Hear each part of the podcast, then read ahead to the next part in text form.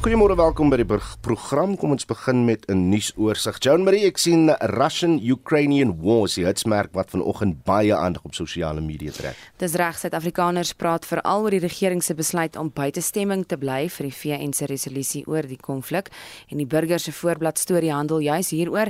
Suid-Afrika nou is sleg in slegte geselskap, lei die opskrif. In ander nuus is twee lede van Black First Land First gister in die Gelykheidshof in Johannesburg skuldig bevind aan haatspraak. Dit hou verband met hul uitlatings oor die vier kinders wat in 2019 in die hoërskool Driehoek tragedie dood is. Een van die opskrifte daar, reaksie op dood van vier laakbaar. Het KwaZulu-Natal berig the witness vanoggend oor 'n polisiebeampte van Pietermaritzburg wat gister 'n 6 jaar opgeskorte vonnis ontvang het vir die skietdood van advokaat Adelaide Ann Ferreira. The Herald in die Ooskaap berig op sy nuuswebblad NMU campuses closed due to protests. Ongeregistreerde studente is gegrief oor hulle steeds wag vir registrasie ondanks vandag se sluitingsdatum. Die Nelson Mandela Universiteit het wel intussen gesê dit sal die registrasieproses verleng. Ons wag nog net vir amptelike kommunikasie daaroor. Dan reageer mense steeds op die verwydering van die nuuskanaal Russia Today. Nou die hitsmerke MultiChoice en Russia Today is steeds gewild, maar nou begin ANN7 traksie kry. Mense vergelyk die uh, verwydering van Russia Today met die uitsaaiers se destydse besluit om ook die Gupta beheerde nuuskanaal ANN7 te verwyder. MultiChoice beweer Europese sanksies wat uitsaai toevoer wêreldwyd beïnvloed, is verantwoordelik vir Russia Today se verwydering, maar Sanef se uitvoerende hoof, Sebungwala, skryf op Twitter dat daar meer duidelikheid oor die kwessie moet wees want dit is so 'n bietjie de mekaar se saak. Hy sê Sanef gaan aan MultiChoice skryf 'n gedeelte van die plasing lees We stand for media freedom and support artists right to exist. There are two sides to every story. Maar die die, die hoofsiening van MultiChoice is hulle kan RT nêrens koop in die wêreld van televisie nie. Dis hoe ek dit verstaan. Ja. Okay, so goed dop Joan Marie met 'n nuus en sosiale media oorsig. Die rolprent en publikasie wysigingswet het op 1 Maart in werking getree. Nou dit verbied onder meer die verspreiding van wraakpornografie, haatspraak, oorlogspropaganda en vals inligting op sosiale media. 'n Oortreder kan selfs tronkstraf kry. Nou sommige kritici meen die wet beperk vryheid van spraak. Ons wil weet, wat dink jy daarvan? Hoe voel jy daaroor? En is daar dinge wat jy dink verbied moet word? Stuur vir ons jou mening. Jy kan 'n SMS stuur na 45889. Onthou dit kos R1.50 of WhatsApp vir ons stemnota na 076 536 6961 076 0765366961 of jy kan gaan na Monitor Spectrum se Facebookblad. 17 minute oor 6 en die politieke party Blackland First het bloedneus gekry deurdat die gelykheidshof sy uitsprake oor die tragedie by die hoërskool Driehoek in Vanderbijl Park tot haatspraak verklaar het. Twee lede van die party wat die uitsprake gemaak het, moet nou skadevergoeding betaal aan elk van die families wat hul kinders in 2019 verloor het. Vir meer praat ons nou met die hoof van regsaake by Solidariteit Anton Vanderbijl. Anton, môre welkom by Monitor. Môre Ude en Anita. Hoekom het solidariteit tot die saak toegetree? Wel, daar is baie redes, maar eerstens daarvan is dat ons die ouers genader is om hulle fakkel te dra in hierdie aangeleentheid in die saak namens hulle te veg. Uiteraard was dit en is nog steeds vir hulle baie sensitiewe aangeleentheid en het ons gevra om hierdie aangeleentheid aan te veg. En op 'n ander dag kan ons nie hierdie tipe van rasse vergrype duld nie. Ja, dit kan nie die norm word nie. Ons kan nie sê kom ons los dit net daar nie. So ons het besluit ons gaan hierdie saak hmm. aanvat en gaan ons dit veg. Ek kom nou nog in 2019 toe ons met die media gepraat het in die hof. Dit is gesê ons sal hierdie eind uit uh sien dat geregtigheid sal skiet en het ons dit dit ek nou gedoen. So ja, dit was hoofsaaklik op 'n instruksie van die ouers maar ons het ons ook afgesluit ons kan nie hierdie aankleed het want uh, daar los nie. En toe gee ons net so 'n opsomming van van wat die kernpunte van julle argument was in vergelyking met wat BLF te verdediging aangevoer het in die hof. Wel in hoofsaak is ons argumente gespoei op die Pepuda wetgewing wat sê dat haatspraak uh, nie geduld mag word nie en dat die hof die gelykheidshof kan intree soos gesê dit is haatspraak wat gepleeg is en dat daar sekere gevolge vir die haatspraak moet wees. Die BLF het in die hof geargumenteer uiteraard baie politieke argumente en niks gespoei op die reg nie. So dit is maar uiteraard 'n politieke uh argumente van hoekom hulle dink hulle kan sê wat hulle sê onder omstandighede.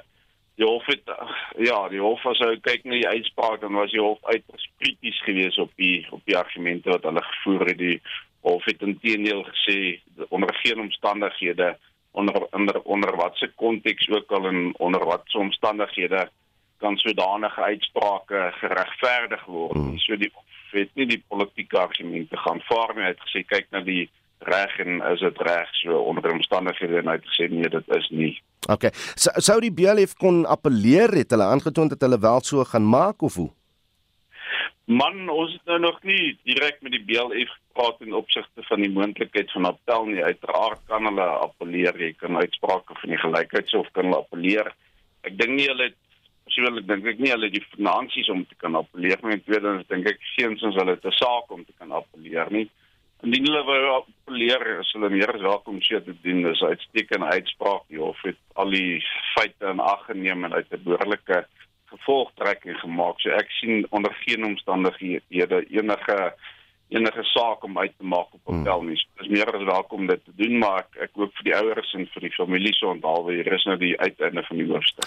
Nou die party soos jy sê wat nou finansiëel bietjie sukkel, hulle het 'n bepaalde 30 dae om die skadevergoeding te betaal. Kan jy met ons deel wat die skadevergoeding be, uh, vergoeding behels en uh, wat aan die families uh, verskuldig is? Ja, so die hof het gelaat dat uh, die twee respondente wat na BLF lede is met elkeen vyf ag uh, daar met 50000 rand gegee word vir elkeen van die vier families wat, wat kinders oorlede is. So ja, in totaal moet daar 200000 rand gegee word, 50000 rand vir elkeen van die families en dan moet hulle ook ons kostes betaal ek betwyfel dit is sterkste of hulle dit moontlik sal kan doen maar as ons hulle dan nou moet sekwestreer dan sal ons dit so maak maar hulle op 'n van dag moet die gelde betaal word. So dit sou nou die volgende stap wees indien dit nie in der, oor 30 dae geskied nie, né? Beseker, sonder okay. twyfel is net nie daar laat nie, hulle moet om verskoning vra en tweedens moet hulle gelde betaal. Dit was die hoof van regsaake by Solidariteit Anton van der Byl. Die drukgroep Action Society sê die voormalige LER vir veiligheid in die Wes-Kaap, Albert Fritz, moet strafregtelik vervolg word. Fritz is die week afgedank na ondersoek uh, teen hom uh, na aanleiding van beweringe van seksuele aanranding. En ons praat nou met die woordvoerder van Action Society, een Cameron Goeiemôre een. Goeiemôre julle. Hoekom voel julle so sterk dat Fritz strafregtelik vervolg moet word? Ek dink dit moet in konteks gesien met uh, word met wat in die land aangaan. Ons sit werklik met 'n massiewe uitdaging in in terme van geslagsgeweld in Suid-Afrika. Nou die feit dat die verslag wat deur advokaat Williams opgestel is vir die ondersoek behartig het uh, rondom Albert Fritz en die aantuigings wat teenoor hom gemaak is, wys ons baie duidelik of of sy sê baie duidelik dat daar genoegsame inligting is vir die klaers om voort te gaan met strafregtelike klagtes en ons voel dis belangrik dat veral iemand wat in so 'n amp is werklik tot verantwoording geroep word. Dis onaanvaarbaar dat iemand in 'n amp veral in terme van gemeenskapsveiligheid net kan wegkom met so iets. Dis eintlik 'n maklike uitweg om net weg te gaan by die werk nie by die werkgewer waar jy betrokke is. Die Weskaapse premier het van meet af aan met die media gepraat onder andere ook met Monitor. Hy was baie oop vir vrae deur die media. Hy het ook die heeltyd gesê hy wil nie hê daar moet politiek gemaak word uit die kwessie nie. Ek dink dis dis dis redelik onmoontlik met die ANC in die Weskaap. Hulle maak dit baie moeilik om nie politiek daarvan te maak nie. Ek dink egter en ek as ek objektief van buite af daarna kyk, dink ek uh, premier Windy het het werklik openhartig gekommunikeer oor die hele ding. Ek het verskeie van sy onderhoude geluister. Ek het baie van sy kommentaar gelees en tot dusver het hy oop kaarte gespeel. Ek hoor nou vir al die ANC sê maar die verslag moet publiek gemaak word, mm. bekend gestel word. Dis absurd want nou sê ons basies vir byvoorbeeld die polisie, waar jy hulle moet dossiere begin publiek maak. Jy moet dossiere begin uh beskikbaar stel. Dit beteken dat die dat die mense, die dames wat die klagtes teenoor Fritz gemaak het, nou geïntimideer kan word. Die feit dat daar intimidasie was teenoor advokaat Williams ook sê vir ons, hier's 'n groter spel in die agtergrond van Albert Fritz se kant af en vir daai rede dink ek dit is baie riskant om so iets net eenvoudig publiek te maak. Ek moet net vinnig teruggaan na wat jy gesê het oor Ellen Windy. Oor die algemeen, wat dink jy van die Weskaap se hantering van die kwessie, die regering daar? Wel, laat ek so sê, ek het nog nie elders in die land spesifiek van die regerende party, die ANC, gesien dat enige party in die land so openhartig kommunikeer oor so iets nie. Ek self kan nie presies sê wanneer Wendy regtig geweet het daarvan nie. Hy sê hy het in November verlede jaar daarvan gehoor. Wat my 'n klein bietjie pla, moet ek sê, is die feit dat iemand soos Albert Fritz vir soveel jaar amper 11 jaar in in daai omgewing gewerk het en dat die klagtes nou eers na vore gebring is, maar nietemin as ons dit vat van November af, dink ek dit is werklik vinnig hanteer. As dit in die ANC was, sou hulle nou eers 'n kommissie aangestel het en dan sou ons nog 6 maande tot 'n jaar gewag het om 'n uitslag te kry en dit sou waarskynlik met 'n goue handdruk gewees het. Net 'n vinnige laaste vraag een, wat is die grootste les hier uit te leer? Ek dink ons sit met 'n astronomiese krisis met uh met geslagsgeweld. Ek dink vrouens oor die algemeen uh sit met 'n 'n wesenlike bedreiging van intimidasie en vir daai rede is dit belangrik dat ons almal ons stemme dik maak hieroor en seker maak mense kom nie weg daarmee nie. Baie dankie en daai pleidooi kom van 'n woordvoerder van Action Society 1 Cameron En daai bly dooi stuur asseblief vir ons SMS en ek wil nou by jou weet Johnny stuur mense vir ons SMS baie daar is baie terugvoer. Nou ons praat vanoggend oor die rolprent en publikasie wysigingswet wat uh, verbied uh, wat onder meer die verspreiding van wraakpornografie, haatspraak en oorlogspropaganda verbied. Almarie Kronee skryf op Facebook stem saam met oorlogspropaganda en wraakpornografie. Haatspraak kan misbruik word veral as iemand van jou verskil in jou woorde verdraai volgens uh, vol, ja, hulle woorde verdraai. Wie gaan korrek interpreteer en judge vra Elmarie. En dan skryf Johan wat uh, dit is redelik eenvoudig. Jou vryheid van spraak hou op waar my regte begin. My vryheid van spraak hou op waar jou regte begin. Nou ja, hier hierso het ons almal vryheid van spraak. So kom ons hoor wat sê julle op die WhatsApp lyn. Môre RSG, Shamaine Boysen hier so van Jameson. Ja dit wat verbied moet word op uh, uh social media is hierdie valse werke. Die mense wat vir jou valse werke insit en die klomp scammers betaal eers my geld in dan kry jy dit. Almal van hulle moet verbied word.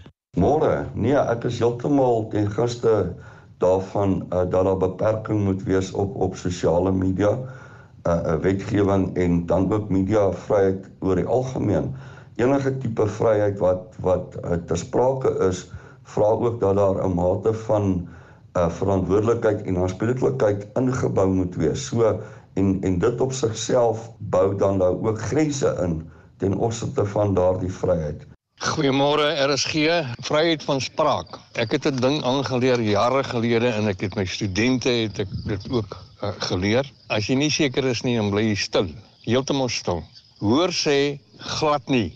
En dit is die dissipline wat ons moet aanleer vir jong mense en ons kinders. Nou ja, stuur vir ons jou mening per SMS na 45889. Dit kos jou R1.50.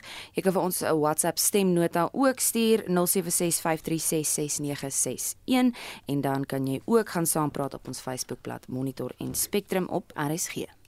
Dis vandag die 9de dag sedert Rusland Oekraïne binnegeval het. Die Russiese magte het sedertdien die belangrike hawe stad Gerson beset en terwyl paniekbevange Oekraïense burgers en ander inwoners vlug, het onderhandelinge nou tussen die twee lande gister begin. Rusland en Oekraïne het ingestem tot humanitêre toegangsroetes en ons praat ver oggend verder met 'n belangrike vredesonderhandelaar en dis nou internasionaal Rolf Meyer. Rolf, goeiemôre. Môre Anita. Roof ons weet jy het al konflikte in onder meer Irak, Kosovo, Rwanda help besleg. Ons weet jy het 'n baie belangrike rol ook gespeel in Sri Lanka en uh, jy is natuurlik direkteur van In Transformation Initiative.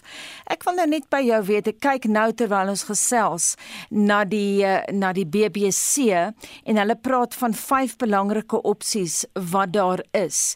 Uh en een van die opsies is dat Putin nou soldate kan stuur na die Baltiese state. Ons het uit Tallinn uitgehoor hoe verskriklik bekommerd die Estlanders is, maar natuurlik Estland, Letland, Litouwe is lede van NAVO Dink jy die oorlog gaan uitkring na Europa toe roef? Op hierdie stadium uh, jy weet en ek is nie kenner oor daai gebied nie. So, mens moet versigtig wees oor wat jy uh, dink en sê, maar uh, hierdie stadium lyk nie lyk dit nie vir my of dit 'n moontlikheid is nie. Ek dink uh, Putin en Rusland se duidelike oogmerk is hulle wil uh, op Oekraïne beslag lê. Die inval is daarop gemik. Hy het gespreek in daardie uh, televisie omroep wat uitgesaai was uh, waar hy gepraat het het dit baie duidelik gemaak dit gaan daaroor dat hy Oekraïne met Rusland verenig. Hmm. Dit is dink ek sy uit en uit oogmerk. So jy dink hy gaan stop by Oekraïne? Ek dink so, ek het ek het geen aanduidings uh, jy weet ek het kontak gehad die afgelope tyd met mense in Belarus. Mhm. Mm spesifiek ook oor die krisis daar van die afgelope 2 jaar en en ek het weer hierdie week met van hulle gesê en dit is my duidelik dat ehm um, dat ja alle aanduidings is daar dat dit vir Rusland gaan weer een ding en dit is dat Oekraïne 'n deel word van Rusland. En dit Putin het dit by meer as een gedeelte so gestel. Sê vir my uh, Rolf, dink jy daar is 'n diplomatieke oplossing? Is daar iets wat enige spesifieke land sou kon doen? Ongelukkig is Angela Merkel nie meer daar nie. Ja, daar is natuurlik die ooreenkoms gewees wat sy spesifiek gelei het uh, en dat dit bekend staan as 'n weeks ooreenkoms van 2016 dink ek. Ja. En daardie daardie ooreenkoms het voorsiening oor gemaak dat daar 'n buffergebied ontstaan waar Rusland beheer sou hê. Eh uh, daardie ooreenkoms is nooit geïmplementeer nie juis omdat die Oekraïne nie uh, op die oomblik of laat ek sê hulle terug hulle hulle reggekeer het daardie ooreenkoms nadat dit hulle dit oorspronklik aanvaar het. En ek dink dit is deel van Putin se se aksie nou. Hy wil dit afdwing, maar hy wil nou meer hê as die mense ooreenkoms. So ek ek het ek het ernstige twyfel daaroor of enige onderhandeling op hierdie stadium moontlik is wat 'n uitslag kan gee. Vir my lyk dit vir my uh, daaroor dat die samesprekings wat nou plaasvind en wat gister 'n tweede ronde gehad het, eintlik maar daaroor gaan om net uh, te praat oor die manier van oorgaan. Uh, ek kan nie sien dat daar 'n uh, ander uitkoms is nie tensy Putin bereid is om 'n uh, wederlaag te aanvaar en ek dink nie hy is in daai hy is in daai gees nie. Tensy sanksies omdwing of nie? sanksies uh, het hard op hom neergekom. Ek dink harder as wat hy verwag het en skieliker en daar het dadelik ekonomiese implikasies gehad. Ehm um, maar of dit genoegsaam is om hom van siening te verander, het ek nie ek het nie 'n positiewe aanduiding daaroor op hierdie stadium nie. Ehm um, die die enigste ander faktor is natuurlik die weerstand wat hy wel gekry het uit Oekraïne.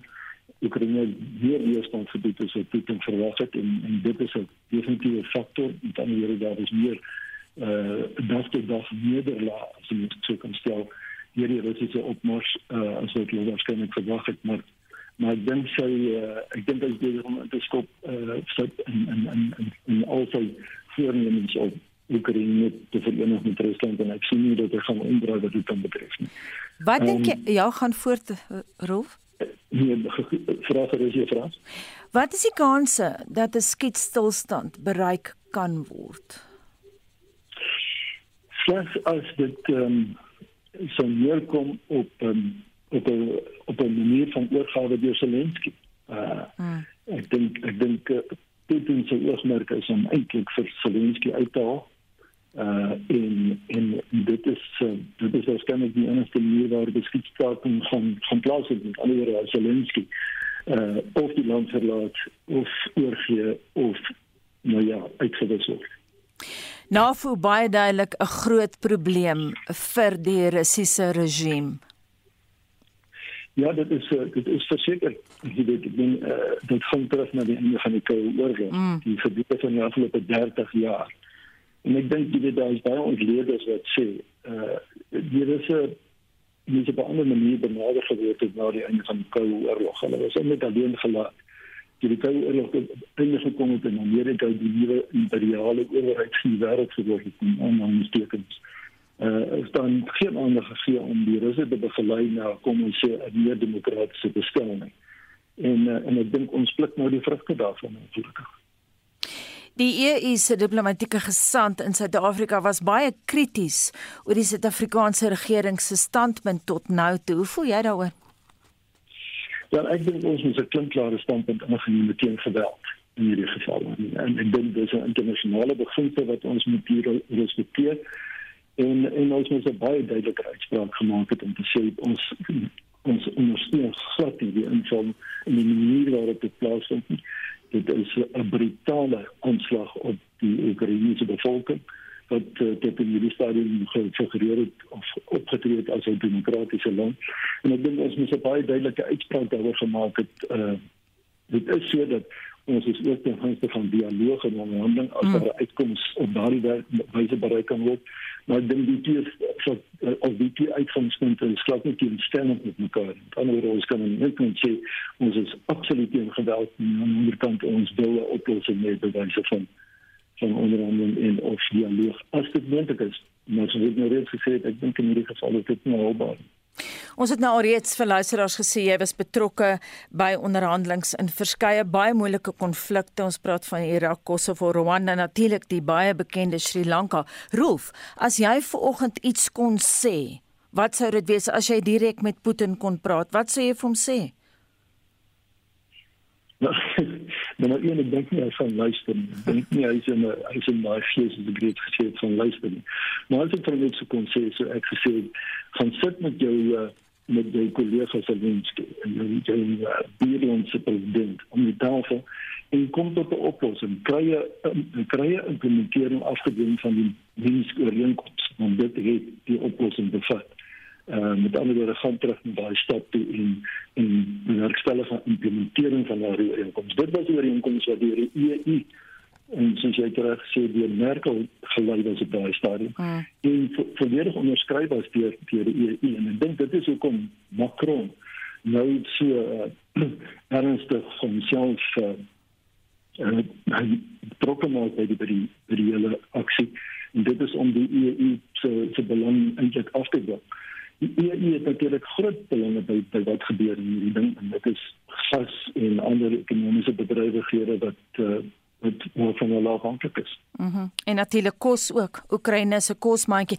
Ek wil uh, terug ek wil net terugkom na iets wat uh, professor Gerrit Olivier gesê het. Soos jy weet was hy ons eerste post-apartheid ambassadeur in Moskou. Hy het baie te sê oor die konflik. En hy het gesê ons moes in 2014 moes die weste baie sterk opgetree het toe Putin in die Krim ingegaan het. Nou ek was in 2015 in die Krim en dit was vir my verstommend en toe was daar baie erge sanksies teen die Krim uh, ingestel. Ek was in Jalta en dit was my verstommend roof hoe positief en pro baie van die inwoners steeds was teenoor Putin. Ons het nou die hele tyd gehoor daar was optogte en oproer in 40 stede in Rusland maar ons vergeet van 'n groep mense in Rusland wat steeds baie pro-Putin is. Ek was verstom daaroor. Ja, dit is wat almal sê, jy weet, ek was my dele nog nooit self in Rusland nie, maar almal wat wat ek ken dat daar was en dat 'n bietjie ondersoek ingestel het met die Russiese eh uh, so so so so geestelike ingesteldheid as ek dit sou kan stel. Reken dat uh, dat hy selfs op hierdie stadium uh buitengewone steun en waarskynlik nou nog meer want hy staan op teen die res van die wêreld. Mm. En dis wat die wat die res graag wil sien. As jy 'n voorspelling sou kon waag, hoe sien jy die situasie ontvou? Ek sien een van die scenario's wat die BBC vanoggend oor praat of waaroor hulle praat is 'n long war. sien jy 'n lang oorlog of dink jy hierdie gaan 'n soort van 'n blitzkrieg wees? Ek dink die vraag is hoe lank kan Zelensky uithou? Mm. Um, ek dink dit is die, die kern van die vraag hier. Uh ek ek persoonlik op hierdie oomblik soos ek ons nou praat, sien nie meer 'n lang uitgebreide ding nie. Dink die die risiko kan dit bekostig nie. Ek dink nie die Oekraïne het die vermoë om om dit uh, uit te stel en uit te stel nie. Ek dink nie ons kan uh met ander woorde ek sê ek, ek dink nie hier van 'n seriese uh scenario ontwikkel nie. Ehm um, my gevoel is dit gaan dit gaan korter wees. Ehm um, maar dit gaan in essensie hierdie vraag wanneer van die oorgawe plaas.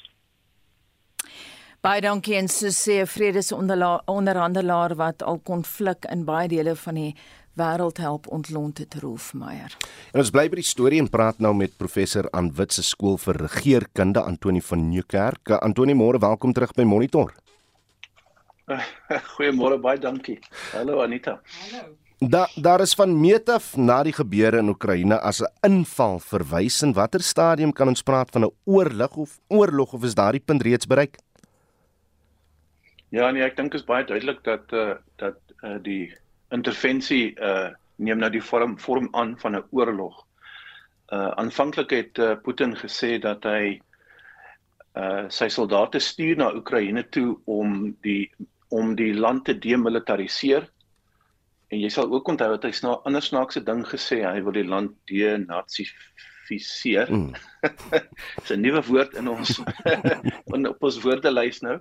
Daai deel was 'n bietjie onduidelik, maar uh, uh as 'n mens nou verder oplees dan sien jy daar's daar's 'n 'n 'n kwessie van van 'n uh, 'n uh, wit regtervleuel in Oekraïne, rasisme, en 'n uh, tipe van neo-nazi bewegings maar ek moet sê dit kan nie die uh, uh die rede wees hoekom Putin so 'n groot inval beplan en uitvoer nie.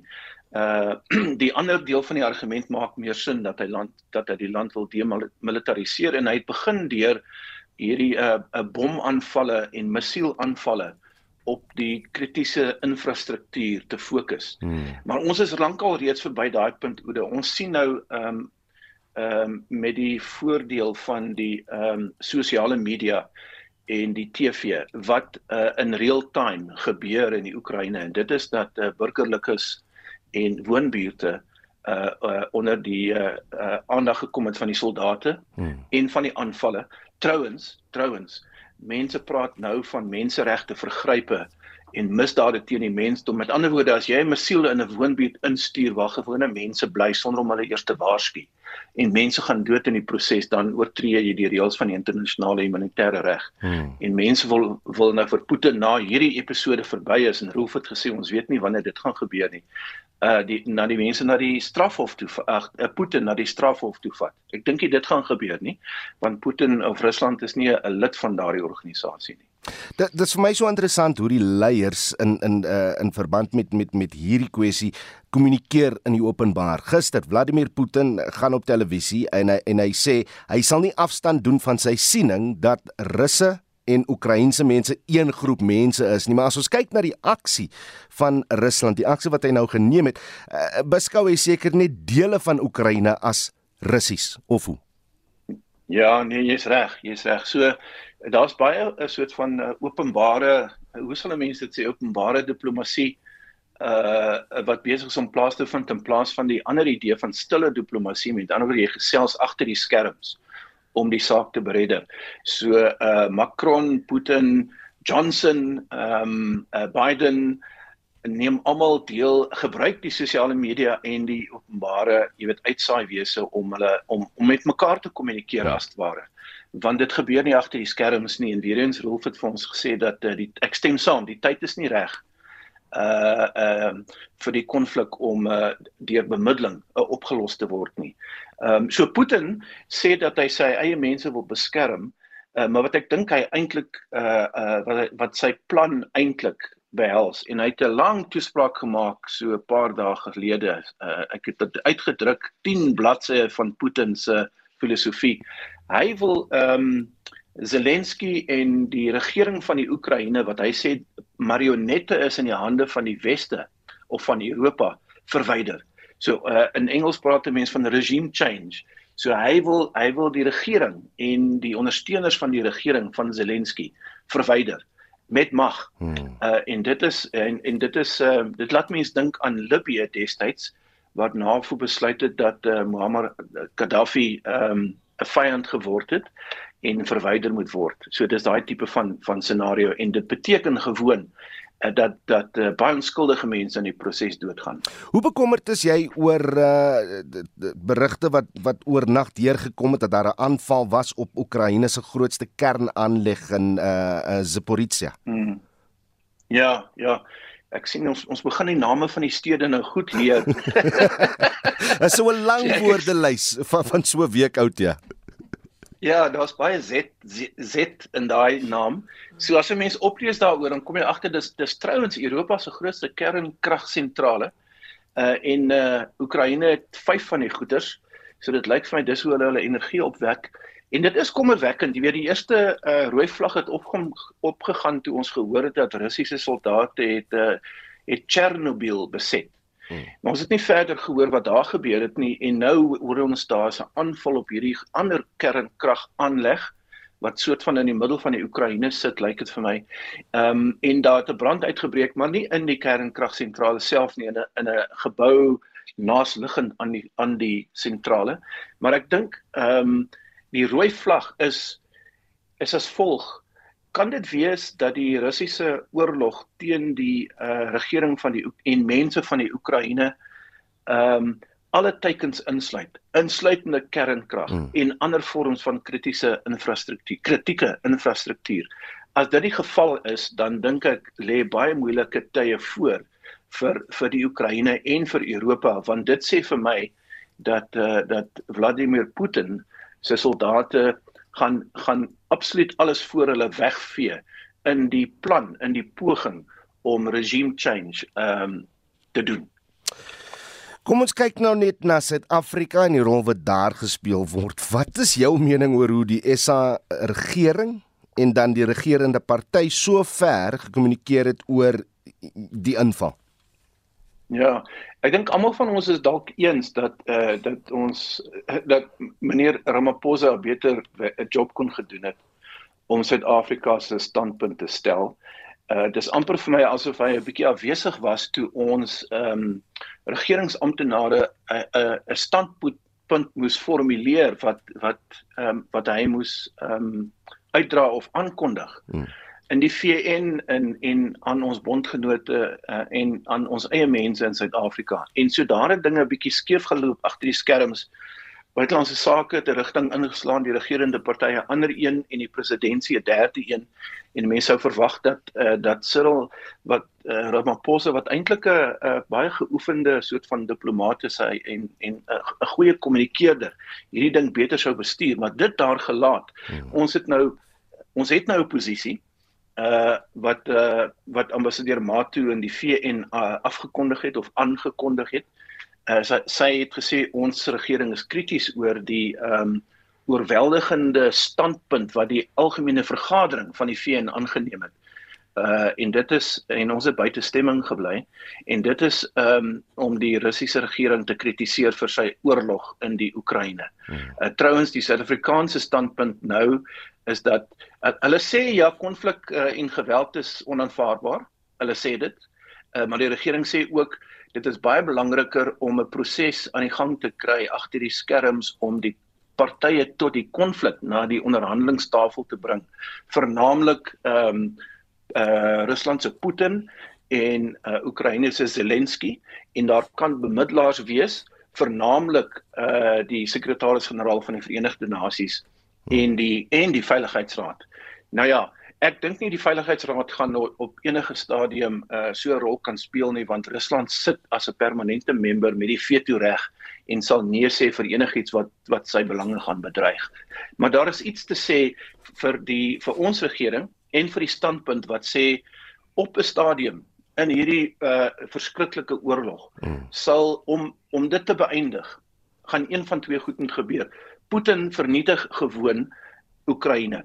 Neem oor, sit sy eie marionetregering daarin en dan sal daar dalk 'n lang herstelproses begin of 'n laafvlak guerrilla oorlog wat ons reeds gesien het in die afgelope 8 jaar in die Donbas streek. Hmm. Dit is dalk die toekoms of Putin word oortuig deur ehm um, deur bemiddelaars wat wat die vermoë het om met hom te praat. Hmm. dat dit in almal se beste belang is om nou hierdie oorlog te stop te sit. En wat is dit wat Putin wil hê in so 'n onderhandelingsproses of bemiddelingsproses?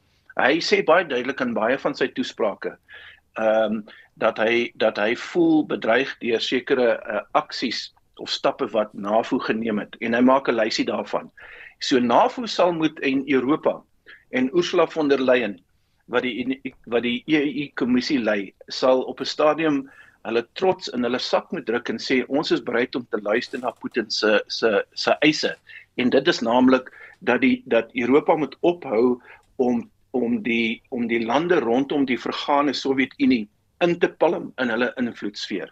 En dan sal Putin ook moet sy trots in sy sak steek en instem dat hy moet ophou om oorlog te maak in lande wat hy dink eintlik aan hom behoort.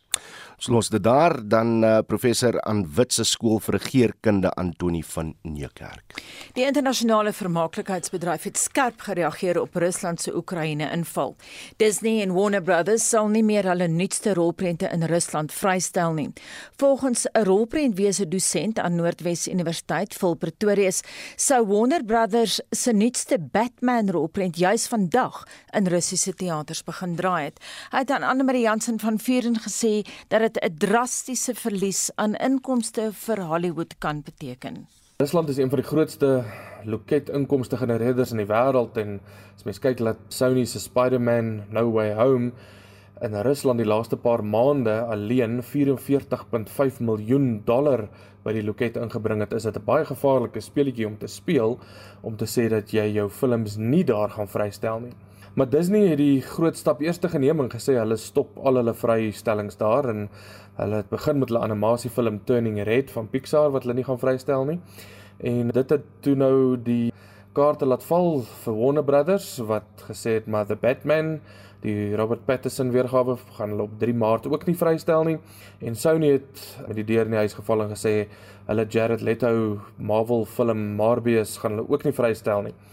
Paramount het dan ook gesê hulle Sonic 2 en Lost City gaan hulle dan nou ook terughou vir eers. Maar die Motion Picture Association MPA het gekom en gesê maar hulle is heeltemal gekant teen hierdie en hulle staan saam met die mense van die Oekraïne en hulle ondersteun glad nie hierdie oorlog nie.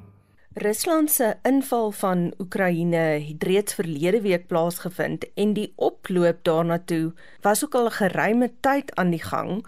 Hoekom dink jy dat die internasionale vermaaklikheidsgemeenskap so lank gevat om daarop te reageer?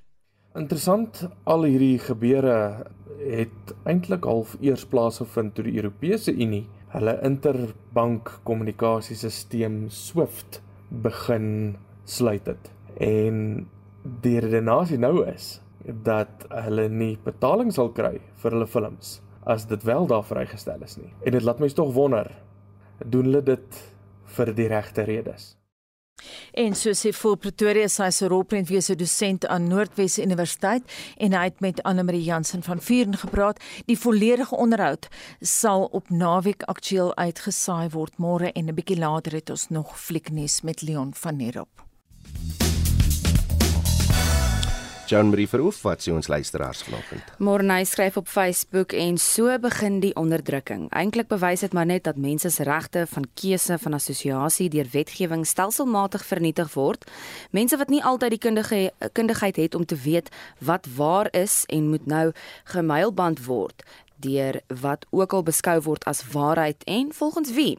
Uiteindelik sal ons almal poppe word wat geïndoktrineer word om te glo wat die owerhede wil hê ons moet glo en ondersoekende strewe na wat waar is sal uiteindelik sneuwel. Nou dis die mening van Morney soos hy dit met ons deel op Facebook.